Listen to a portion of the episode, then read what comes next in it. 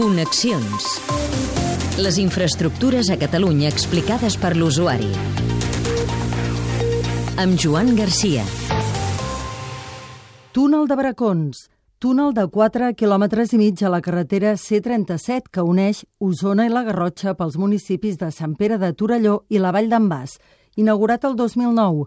És el tercer més llarg de Catalunya després dels de Viella i del Cadí. Avui una d'aquelles infraestructures que ens crida l'atenció és saber com es controla per dins. Som a Sant Pere de Torelló per visitar la principal obra d'enginyeria de l'eix Bicolot, el túnel de Bracons. I ens acompanya en Rossem Bau, que és el cap de sala del Centre de Control Viari de la Generalitat. Quants vehicles hi passen al dia? En promig diari podem parlar d'uns 7.000 vehicles diaris. Molt bé. Què és el que veurem en aquesta visita?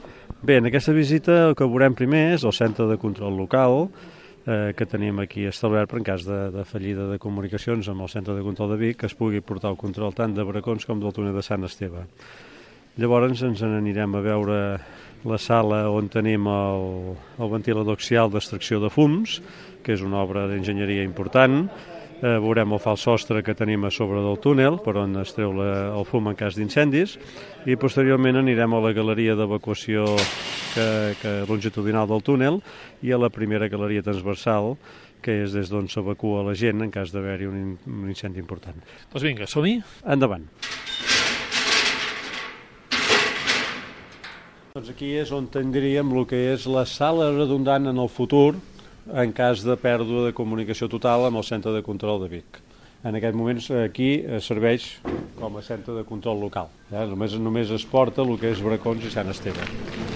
Ara esteu entrant al tema de ventilador axial, que és un dels dos ventiladors axials que tenim una a cada boca, que són els responsables de l'extracció de fums a dintre del túnel en cas d'un incendi. On som ara? Ara estem a lo que és el fals sostre que hi ha sobre el túnel de Bracons, pel qual surt el fum viciat en cas d'incendi, que l'extractor el tira cap aquí dintre i de dintre va cap a la galeria, eh, cap a la xemeneia.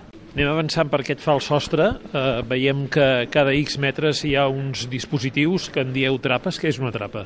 La trapa és el mecanisme que permet que s'obri per fer l'extracció del fum en cas d'incendi.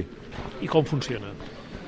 Bé, quan nosaltres tenim un incendi en el túnel, el que fem és activar el pla d'incendis corresponent a la zona que, que s'ha produït i automàticament l'aplicatiu ja troba el nombre de trapes que està determinat per aquella zona i llavors amb la ventilació longitudinal a baix del túnel confinem la zona de fum en aquella zona que tenim les trapes obertes.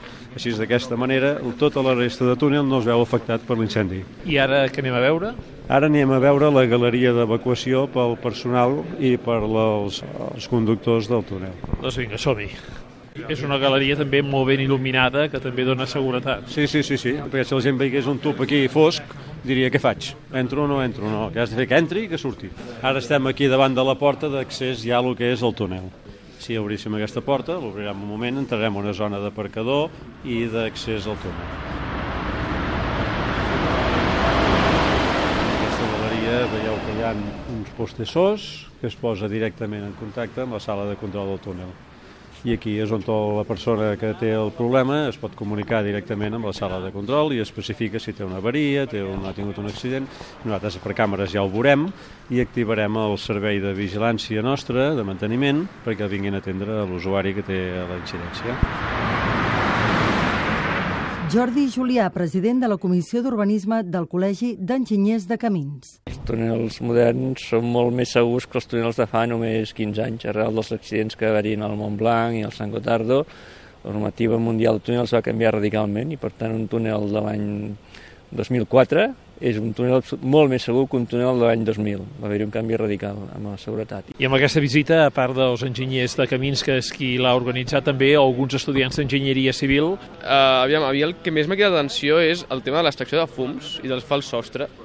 Jo no sabia que en els túnels hi havia un fals sostre per, primer, en el túnel de baix, con, congregar tots els fums i després treu el per dalt. Tothom veu el túnel quan hi passa, però clar, hi ha tot un muntatge darrere i tot unes galeries tota l'extracció de fums, els ventiladors, tot això, que és, és molt interessant. A mi el que més m'ha cridat l'atenció és que darrere d'aquesta gran estructura que hi ha, eh, hi ha un equip tècnic que procura per la seguretat de les persones i això és el que, com diu el meu company, eh, no es veu. Muntatge de so, Salva Pou. Connexions. També disponible al podcast.